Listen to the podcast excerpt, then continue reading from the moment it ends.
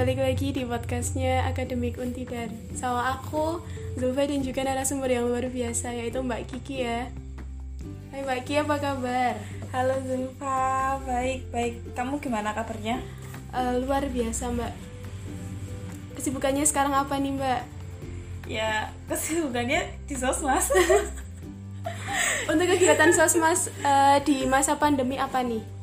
Uh, cerita dari awal ya jadi dulu itu kan pandemi itu waktu kita puasa ya awal-awal puasa kan. Nah itu tuh kita kayak sebenarnya kayak ada titik di mana kita tuh kayak uh, apa ya ragu-ragu buat ih mau terjun nggak ya? Soalnya kan kayak itu tuh masih awal-awal terus kita parno banget loh.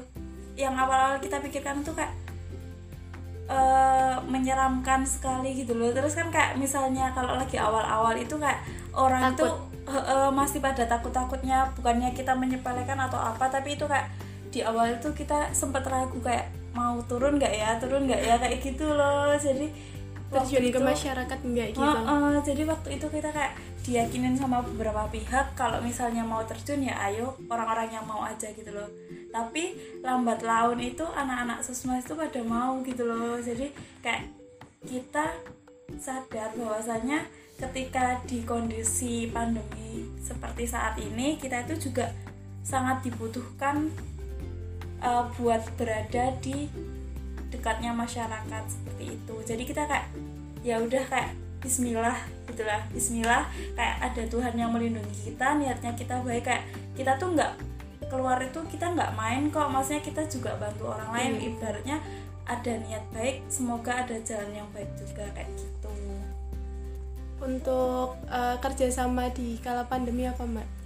Uh, untuk kerjasama itu kayak bagiin bansos sih lebih banyaknya seperti itu. Jadi kita kayak sadar kembali lagi sadar kayak mahasiswa itu kan uangnya kan tipis ya. Ya betul banget. Uangnya tipis jadi kayak ya udah ketika kita punya sedikit ilmu kita punya tenaga ya kita sumbanginnya dengan cara seperti itu loh berbaginya. Aku kemarin juga dapat banyak sekali masukan dari sandal jepit. Kita waktu awal-awal itu kita kolaborasi sama sandal jepit. Sebenarnya dari sosmas sih yang nyari-nyari channel yang, seperti itu. iya, ya biar kayak meskipun di pandemi kita tetap bisa bermanfaat buat orang lain seperti itu. Jadi Mas Budi namanya beliau tuh bilang gini uh, kalian itu sebagai mahasiswa kan kalian punya sedikit ilmu dan juga tenaga. Jadi sebisanya kalian untuk membantu itu adalah uh, sebuah apa ya namanya bisa dibilang itu adalah suatu cara kalian itu untuk berbuat kebaikan meskipun meskipun kalian tuh nggak punya materi. nggak uh, punya materi yang cukup tapi kayak kita punya dengan tenaga. tenaga dan sedikit ilmu tuh kalian bisa gitu loh. Jadi ketika membagikan membagikan bansos itu kita nggak cuma bagi kalau misalnya bagi itu kan udah kan selesai gitu loh. Iya, kayak bantuan itu akan sekedar bantuan dalam satu dua hari orang itu akan lupa gitu loh. Tapi ketika dibaringi dengan edukasi itu tuh orang tuh kayak lebih akan mengingat gitu loh. Jadi terkesan ya? Uh, uh, jadi kayak perannya kita itu sebagai mahasiswa itu juga dapat gitu loh dengan mengedukasi masyarakat terkait dengan pandemi covid seperti itu kayak masyarakat kan kayak ada yang belum tahu gitu loh. Nah di situ kita mengambil perannya di situ. Uh, waktu sama komunitas jepit itu yang uh, wujud bantuannya kayak gimana mbak nah wujud bantuannya. Nah awalnya kan kita mau ini ya mau ngobrol-ngobrol dulu kayak misalnya mas kita mau kolaborasi nih kita cuma punya tenaga nanti kalau misalnya sandal jepit mau membagikan sesuatu untuk masyarakat kita boleh dong ikut. Nah di situ kan kita mau ngobrol-ngobrol nih awalnya mau ngobrol-ngobrol dulu. Iya, nah terus kok waktu itu ternyata mas budinya juga kolaborasi sama Polres sama TNI sama wali kota Magelang, juga. Nah jadi kita di situ juga malah bareng, uh, uh, malah bareng-bareng di situ kayak oh ternyata kita bisa sih uh, bergerak bersama gitu loh. Meskipun dari latar belakang yang berbeda-beda kayak gitu. Itu wujud apa namanya kerjasamanya kayak bagi-bagi sembako atau gimana? Iya wujudnya seperti itu. Dibagi-bagi sembako ya? Ya Eh, kalau untuk apa namanya Eh, katanya kemarin ada proyek sosial yang SAC itu. Nah Oh. itu gimana? iya kalau yang SAC jadi kayak di sosmas kak misalnya orang-orang kan tahu masnya terkait dengan organisasi itu kita nggak bisa mengandalkan apa yang ada di organisasi tersebut gitu loh. Katakanlah sebuah materi atau apa. Jadi kita nggak bi- nggak bisa kayak terfokus misalnya adanya segini ya udah segini aja. Tapi kita kayak harus berkembang gitu loh. Jadi misal pun kita nggak bisa karena satu titik kita kan nggak eh, kita kan kayak apa ya? Nggak mungkin kehilangan titik-titik yang lainnya iya. gitu loh. Kayak kita Saling harus. He- eh, kayak kita juga harus terus mencari gitu loh. Nah waktu itu yang project sosial itu namanya project sosial sih. Pas pas Ramadan juga itu ada beberapa komunitas yang kita kolaborasi yaitu sharing and caring.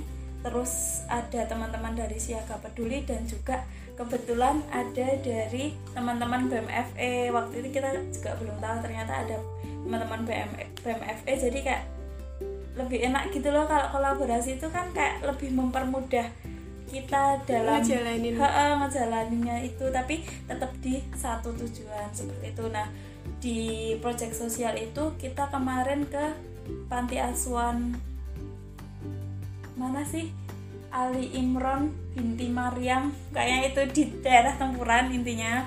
Nah itu kita di sana bagiin sedikit rezekinya kita dari para donatur terus kita bagiin takjil dan buka puasa sama kita tuh kayak ada dia untuk anak-anak yatim piatu. Misalnya mereka membutuhkan kayak kayak sesuai kebutuhan dari mereka gitu loh. Kalau misalnya mereka butuhinnya sepatu. Jadi ya kita be- membelikan mereka sepatu gitu loh. Kalau misalnya mereka butuhnya baju untuk lebaran atau apa kita yang be- membelikannya seperti itu. Jadi kayak sesuai kebutuhan Sesuai kebutuhan. aja ya? Heeh. Apa namanya kan pastinya ada ya mbak. Kayak kendala-kendala. Misalkan eh, mulai dari diri sendiri ataupun dari anggotanya sosmas kayak gitu. Kan ada itu orang yang misalkan eh, jiwa sosialnya itu kurang. Nah itu gimana mbak? Kiki buat nanganin anggotanya gitu kan mbak? Kiki jadi kadifnya.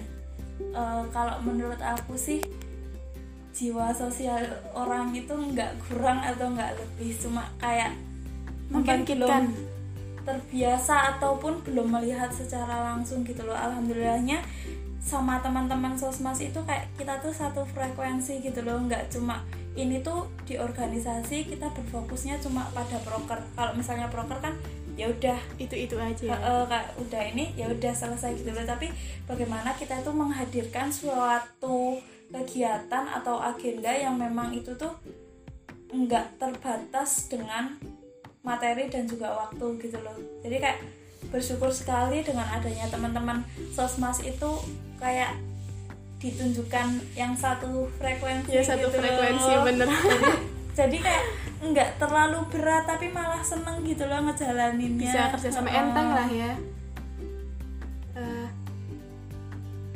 kalau untuk kerja sama antar organisasi di kampus itu Apa, Mbak? Ada sih ya kemarin itu yang nggak sengaja itu sama teman-teman dari BMFE yang di proyek sosial. Kemudian kita tuh ada eh, kalau selama ini sih kita malah belum terlalu menjurus ke internal malah kok keluar dirasa- terus ya. Eh, dirasa malah fokusnya keluar gitu loh. Cuma kalau misalnya apa kerja sama sama dari internal itu kayak galang dana seperti itu. Nanti kita melibatkan teman-teman dari fakultas terus fakultas melibatkan dari teman-teman himpunan. Masih sejauh itu sih kalau untuk dari- yang penggalangan dana? Heeh. kalau apa ya? Hmm, yang WCD itu? Yang clean Oh, yang WCD. Jadi WCD itu kan dirayakan oleh seluruh dunia ya. Itu kayak gerakan serentak gitu. Nah, tapi kita ini awalnya juga minta kolaborasi lagi sih sama dari panitia WCD kota Kabupaten Magelang. Kalau misalnya kita dari Sosmas ataupun dari Untidar mau ngadain? mau kolaborasi lah mau ikut merayakan gitu loh. Iya.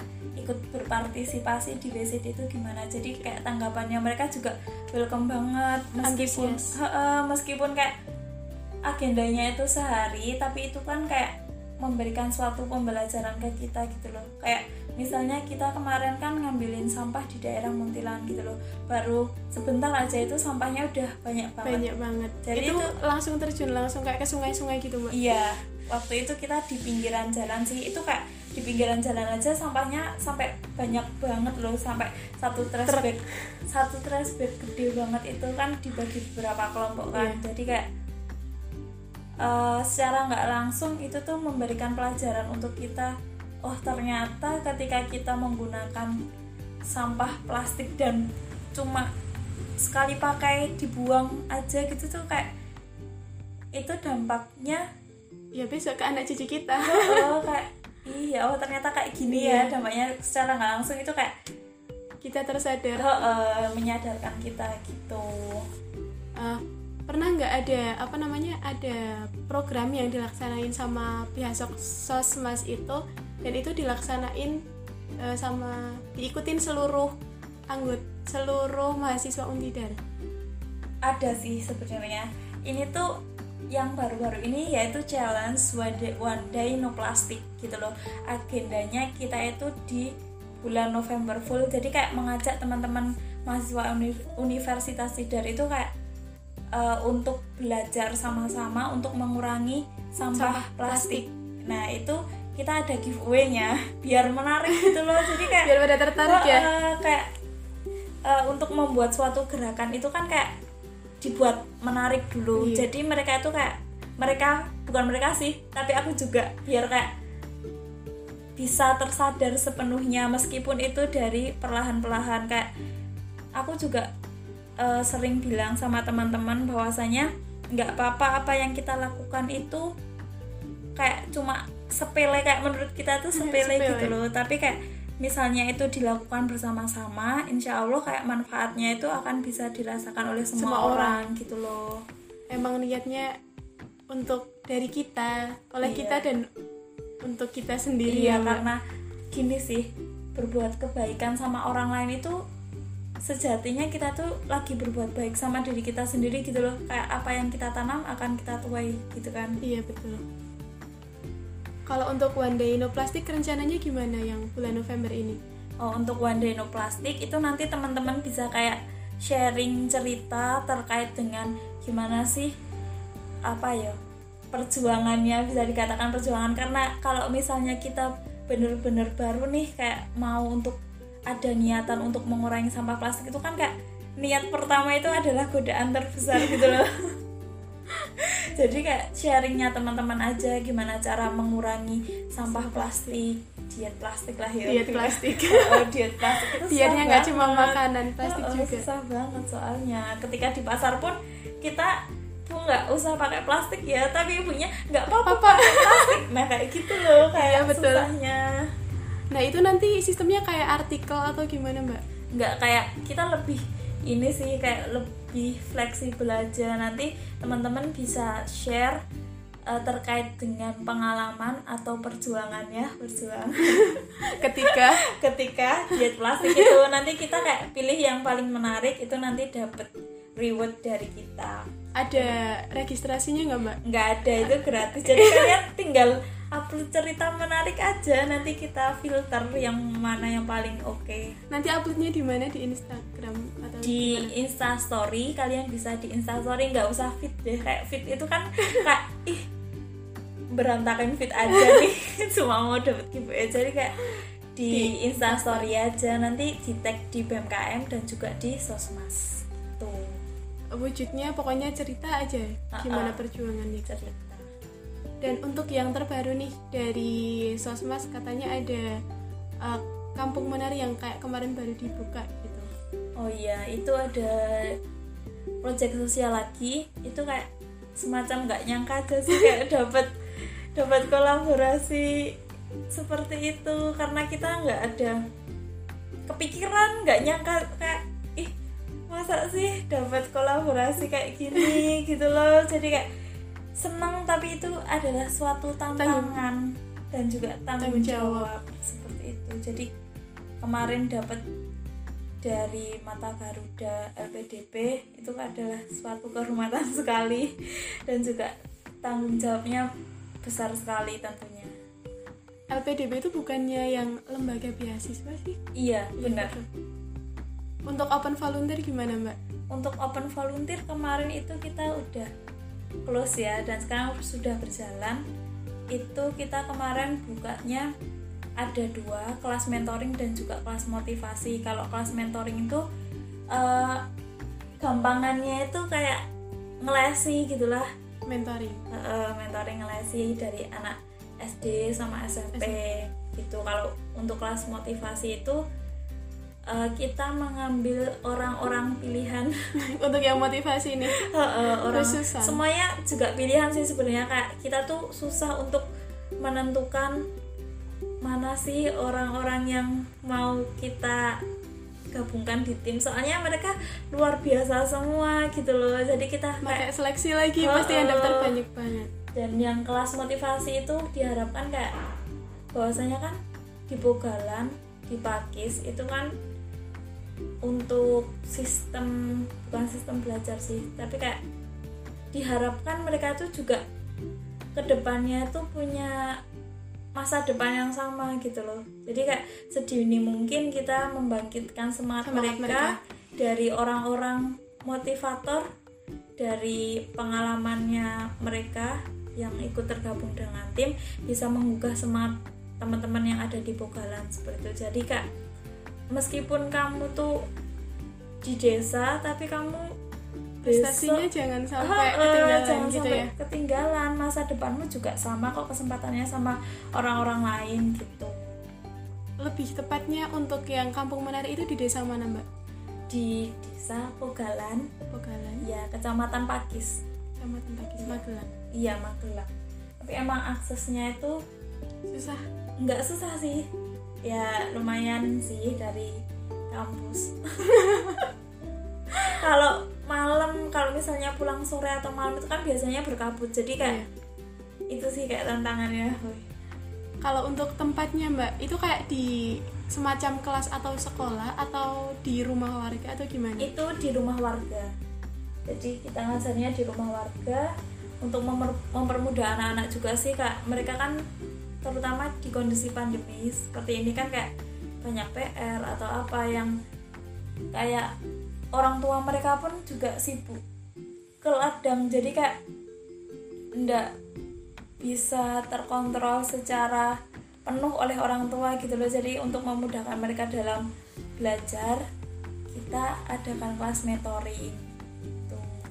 kalau untuk latar belakangnya i sebenarnya kenapa ngambil di desa Pogalan itu nah itu kan karena ini sih waktu diajak kolaborasi itu kita sudah ada gambaran desanya gitu loh. Jadi itu kan Mbak Mei yang ngajak kita tuh Mbak Mei. Itu S2 dari UGM sudah ada tempatnya kayak udah ada sasarannya gitu loh. Jadi waktu itu awalnya kita mau merujuk ke pari ada pariwisata terus pendidikan sama di ekonomi. Tapi kayak lebih diutamakan itu yang pendidikan pendidikan. dulu gitu loh. Jadi ketika nanti pendidikan kita udah jalan maybe untuk step-step selanjutnya kayak pariwisata kayak ekonomi itu tuh kayak ketika nanti- pikiran udah terbuka Heeh, ya kayak kita memperbaiki SDM-nya dulu. Iya. Kira-kira kalau kayak yang di desa Pogalan itu SDA-nya ada nggak mbak? Yang bisa nanti eh, anak-anak itu kembangkan gitu. S sumber ya daya alam. sumber daya alamnya banyak sih sebenarnya. Di sana kan ini kayak hasil dari apa tuh sayur gitu. Terus ada lempong sekendi. Kayaknya lempong sekendi bacanya sih. Itu kayak tempat wisata gitu. Nah itu masih bisa dikembangkan. Terus pokoknya pariwisata ekonomi itu bisa dikembangkan di sana gitu loh. Kalau untuk volunteer itu bisa dari umum atau khusus mahasiswa mbak yang ini? Kemarin itu dari umum sih. Nggak kita nggak mematok dari mahasiswa universitas tidak doang. Itu enggak kita mahasiswa umum. Kemarin itu ada yang kelas volunteer itu dari Jawa Barat itu ada. Diterima? Diterima. Itu karena Allah. kita nggak membatasi ketika memang cuma di lingkup untida Iya. gitu loh. Jadi kita kayak nggak harus yang deket ya yang mm, buat jadi volunteer. orang-orang terpanggil itu kan nggak harus yang deket bisa aja yang jauh. Mereka merasa terpanggil dan kita oke ya udah. Iya. Bisa lah untuk rencana yang kampung menari ini berapa lama mbak? Atau selama lamanya untuk project yang kampung menari ini sendiri kita lima bulan tapi terbagi dalam dua gelombang. Yang kemarin udah oprek itu gelombang pertama yang keduanya nanti ada Oprek lagi. karena kita mikirnya eh, siapa sih yang solo dalam lima bulan ke depan setidaknya dua setengah bulan ya. Eh, setidaknya kan dua setengah bulan. Setiap minggu cuma satu kali untuk yang kelas mentoring. Kalau yang kelas motivasi kan memang cuma satu orang itu cuma satu kali gitu loh. Jadi kayak kalau yang kelas motivasi. Heeh, jadi kita kayak mikirnya siapa ya yang solo lima bulan? Kayaknya ini Mikir lagi deh. mikir lagi deh tetepan. Jadi kita bukanya dua ini sih. Untuk jangkanya sih sebenarnya kita eh, jangka pendek itu lima tahun ya masih dikatakan jangka pendek Jangka ya pendek. lima tahun heeh. jadi kita ada ini sih lima tahun ke depan targetnya. Tapi itu setiap dua setengah bulan itu ganti volunteer gitu kan? Ganti volunteer. Ya karena Tapi kalau- itu. Kalau misalkan nih volunteernya udah ikut yang gelombang pertama udah lolos terus nanti di gelombang dua dia daftar lagi gitu boleh nggak? Eh, itu sih kita belum membahas secara secara detail ya terkait dengan misalnya udah di gelombang satu boleh ke gelombang dua Hmm, atau enggak. Tapi kalau misalnya dari aku pribadi pikirannya kayak kita coba deh buka kesempatan untuk orang Orang lain dulu. dulu gitu. Biar orang lain juga bisa merasakan gimana sih proyek sosial seperti itu. Kalau untuk yang kelas mentoring sama kelas motivasi nah itu tuh nanti kalau misalkan udah ikut kelas mentoring boleh ikut kelas motivasi atau pilih salah satu mbak? Pilih salah satu sih biar fokus gitu. Kadang orang yang kadang nggak semua orang tuh apa ya bisa mentoring tapi eh, bisa dikatakan belum mempunyai cerita yang bisa untuk memotivasi. Menggugah. gitu. So, kalau untuk siswanya itu boleh nggak? Atau semua siswa itu bisa dapat kelas mentoring sama kelas motivasi. Kelas kalau kelas mentoring itu sejauh ini kita masih kelas SD sama SMP karena SMA-nya tuh anak-anaknya dikit gitu. jadi kayak masih terbelakang ya soal pendidikan di itu di Salpokolan itu? Se- kalau misalnya dikatakan terbelakang sih sebenarnya nggak terlalu karena Magelang kan masih ini ya. Kota ya nggak kota sih kayak udah tau lah modern Ah. pendidikannya. Eh, eh, tapi cuma karena mereka di deket sana tuh sekolahnya ya kayak ada jarak gitu loh. Jadi jadi nggak terlalu deket sama sekolah kayak gitu. Kalau untuk kebudayaannya di desa itu gimana mbak? Itu biasanya warga itu ada tarian apa ya? Aku lupa namanya. Kayak tarian sambutan kah? Bukan kayak mereka tuh misalnya nih ya kayak udah lumping atau apa tapi mereka bukan namanya bukan itu. Heeh. ya kesenian kesenian yang ada di Magelang gitu loh. Jadi mereka itu memang wajib setiap tahun itu kayaknya tiga kali menye- menyelenggarakan acara itu. Kayak ritual desa. Tradisinya ya, Heeh, udah- ritual desa. Udah. Kemarin tuh yang terakhir bulan apa ya? Bulan September kayaknya. Kalau nggak September ya Oktober kita diundang ke sana buat ini sih buat menyaksikan menyaksikan jadi mereka dari masyarakatnya itu welcome banget gitu loh. Jadi kita kayak Enak lah ya. mendapatkan sambutan hangat dari warga sekitar. Itu adalah suatu semangat. Heeh. semangat. Untuk yang desa binaan nih setelah kampung menari. Oh iya gimana gimana? Untuk yang desa binaan itu maksudnya kayak kita tuh melakukan penyuluhan kah atau gimana Eh, kalau desa binaan sebenarnya kita tuh udah mulai dari bulan April. Nah itu kita kayak membersamai anak-anak kiringan aja gitu loh. Kiringan baru sih lebih tepatnya. Meskipun cuma anaknya tuh dikit banget cuma empat. Cuma empat kemarin sih sejauh ini sudah bertambah jadi enam kalau nggak lima. Meskipun dikit ya ini kembali lagi bahwasanya mereka tuh juga punya masa depan yang sama pikirannya kita itu gitu kak. Mereka masih di lingkup kota ada yang seperti itu gitu loh. Iya. nah ini juga Gimana jangka pendeknya lima tahun gitu loh. Untuk tahun ini kita memang mulainya dari anak-anaknya dulu. Kita membersamai mereka dulu. Nggak nggak terlalu ngoyo untuk belajar kamu belajar ini belajar ini Gitu. belajar ini. Kayak memaksa ya kesannya. Heeh, tapi kita lebih ke main terus deket sama anak-anaknya. Nah nanti kan kayak step by step kita bisa deket sama orang tuanya bisa deket sama lingkungan gitu loh. Jadi kayak untuk ke masyarakat itu kan nggak bisa sehari dua hari langsung langsung deket. Heeh, langsung deket langsung jadi apa yang kita mau. Tapi kita kayak lebih nurutin mereka maunya apa gitu. Jadi kita kayak lebih sering ngobrol gitu loh biar enak. Untuk yang desa binaan itu anak-anaknya SD atau apa mbak? Itu rata-rata SD yang SMP itu satu. Ada dua deh dua dua yang SMP tapi emang masih dikit gitu yang di desa binaan itu? Heeh, masih dikit. Soalnya kan di sana kurang dari 15 kakak kalau nggak salah.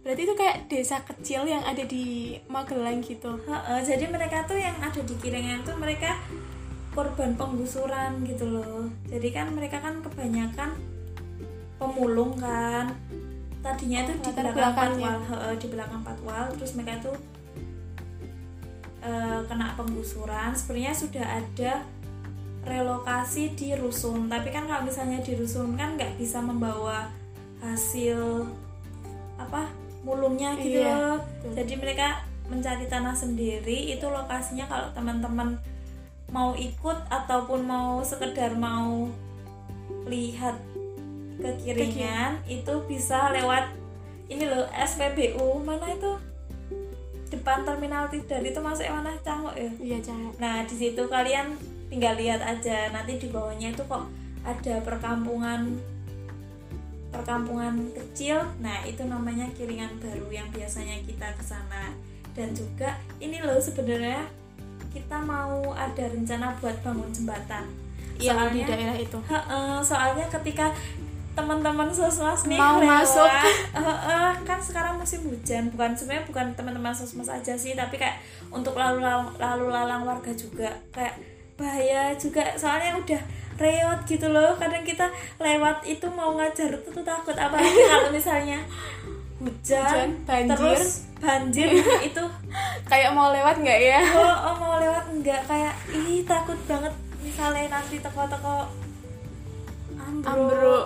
Iya soalnya emang udah lumayan rapuh sih kayak misalnya kita jalan bareng nih kayak gerak-gerak gitu loh jembatannya. Jadi kita mau buka ini sih kayak pembangunan jembatan meskipun dari kayu karena kan mereka sebenarnya nggak punya akses jalan gitu. Tapi itu sebenarnya di apa namanya kayak di relokasi ke situ ataukah dari pemerintah nggak dibolehin gitu kalau misalkan di daerah situ. Yang di daerah kiri Iya, iya. jadi mereka cari sendiri Cari tanahnya. ya kayak patungan gitu. Kayak dulu tuh 200 juta apa ya? Waktu belinya. Heeh, terus nanti dibagi berapa kakak. Heeh, berapa kakak gitu. Jadi mereka kayak iuran iuran gitu.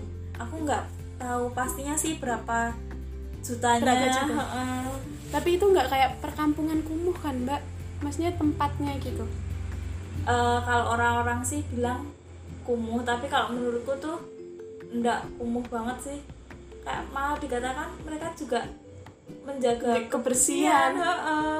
sadar lah ya Oh. akan kebersihan enggak kok sampah yang berserakan terus masyarakatnya enggak bersih gitu enggak kok di sana juga bersih menurutku kalau untuk apa namanya program-program nih yang dijalanin sama sosmas itu tuh biasanya dapat pendanaan nggak sih dari kampus?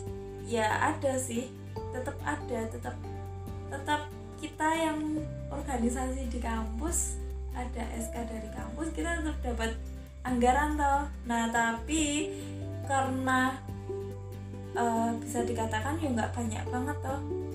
Jadi kita kayak secukupnya sejujur uh, gimana ya jelasinnya tuh meh banyak atau enggaknya kan tergantung dari kita untuk memplotkannya gitu loh. Jadi ketika kayak ibarat kalau aku mikirnya gini loh kita mau dapat anggaran berapapun kita tetap bisa melakukan sesuatu kegiatan yang positif meskipun kita tuh nggak ada uang gitu loh. Kalau dari aku dari aku sama teman-teman sosmas tuh kita tuh bisa gerak tanpa uang. Itu adalah suatu motonya kita sebenarnya sampai sekarang itu. Kita ngajaknya kolaborasi kolaborasi seperti itu. Kalau untuk kolaborasi itu biasanya dari pihak sana atau dari kampus yang uh, minta ke pihak yang diajak kolaborasi mbak? Ya dari sosmas yang minta. Berarti tetap minta dulu ya? Uh, uh, kayak ngobrol-ngobrol lah mas bisa nggak nih Sharing kolaborasi dulu ya. uh, kayak gitu uh, sekarang kan Mbak Kiki tuh kayak yang aku lihat ya. Iya. nah itu tuh kemarin baru sidang proposal nih. kok kok bisa sih? Kok bisa uh, antara organisasi dan juga apa ya istilahnya kayak uh, kebutuhan pribadi kayak kuliah kan kebutuhan pribadi ya, Uh-uh. kayak urusan pribadi kita tuh bisa imbang bisa balance gitu. Oh, aku nggak dikatakan gas-gasan. Banyak yang ngatain gas-gasan nih wadah aku santai-santai wae. Itu tuh jadi kenapa bisa imbang ya? Iya, kenapa bisa imbang sih?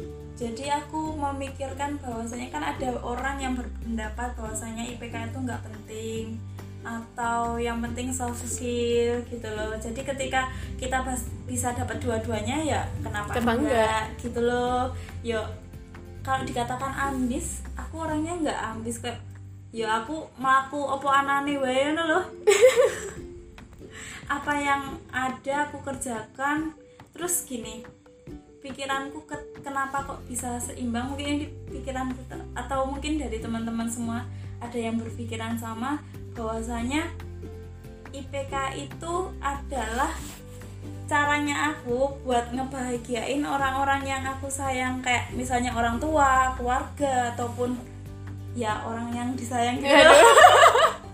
Orang yang disayang.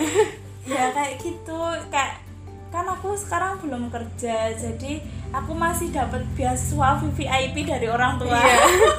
yang nggak semua orang bisa keterima gitu toh jadi kayak hadiahku itu ya itu buat orang tua kayak Feedbacknya ya. Heeh, feedbacknya seperti itu. Dan juga itu adalah tanggung jawabnya aku gitu loh untuk orang tua terutama gitu. Jadi kayak sadar aja kalau misalnya aku kuliah kan tugas utamanya tuh belajar gitu loh.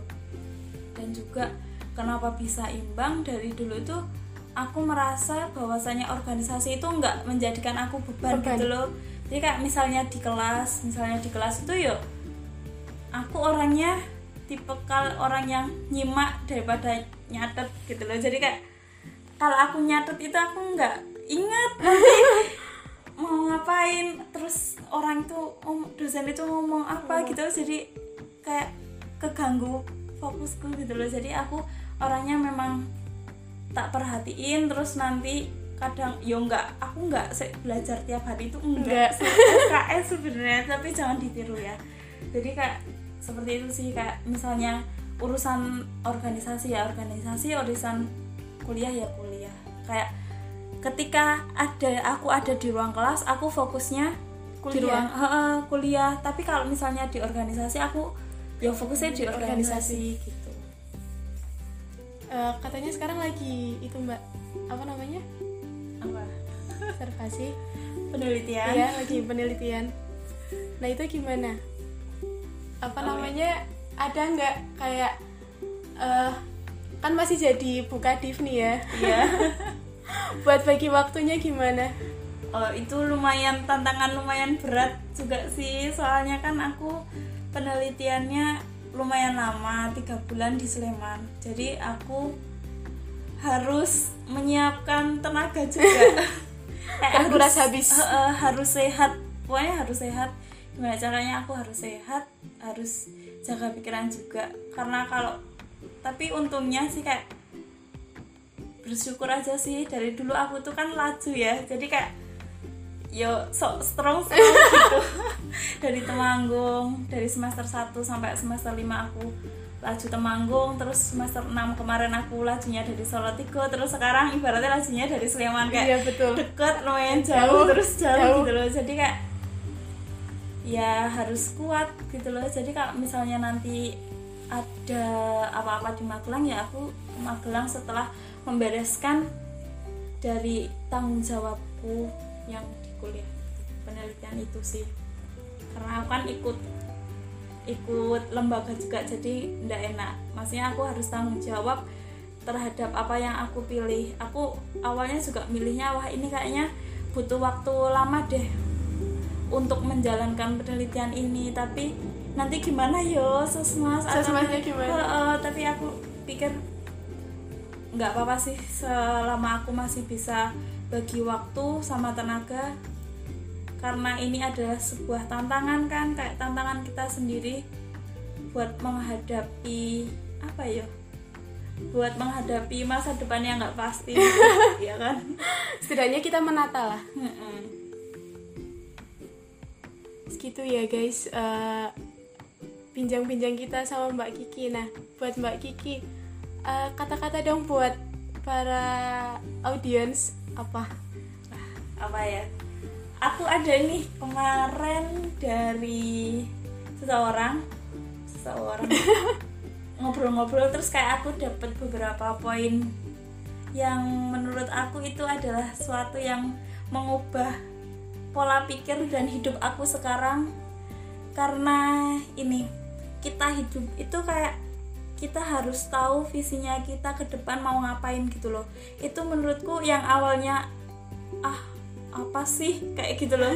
Terus aku mikir misalnya aku pengen setelah lulus mau ke mana terus aku pengen buat apa gitu loh. Jadi ketika aku udah mantep dengan itu ternyata orang-orang yang satu frekuensi itu kayak datang gitu loh dengan sendirinya ya? Heeh, dengan sendirinya dan kita berada di lingkup orang-orang yang satu frekuensi terus kita bisa menjalankan visi kita meskipun caranya beda tapi kayak tujuannya itu sama, Sama. gitu loh jadi buat teman-teman semua perlu banget buat tahu visi ke depannya kita biar nanti itu ditemukan oleh orang-orang yang satu frekuensi sama juga percaya nggak percaya terus eh, sama mindset positif gitu loh. Jadi ketika kita selalu berpikiran positif itu nanti kayak ada aja. Kayak Ian plus plus eh, plusnya. eh, kayak ada aja jalannya kayak ih kok ternyata kok jalanku kayak mulus banget yo kayak gitu. Jadi kayak perlu banget terkait dengan visi dan juga apa yang tadi? Lupa ya always positive thinking. Oh, always positive thinking. Meskipun negatif thinking itu juga perlu. Sama ini sih yang terakhir itu buat teman-teman semua kembali aku ingatkan atau saling mengingatkan bahwasanya ketika kita berbuat baik sekecil apa pun itu nanti akan kembali ke kita. Bukan kita mengharapkan ya tapi kayak itu tuh kebaikan sebenarnya kita sedang berbuat baik kepada Diri diri kita. kita. Nah itu sih buat teman-teman semua. Makasih Mbak Kiki buat waktunya ya. Kita jumpa lagi di lain kesempatan. Iya, sama-sama. Thank you guys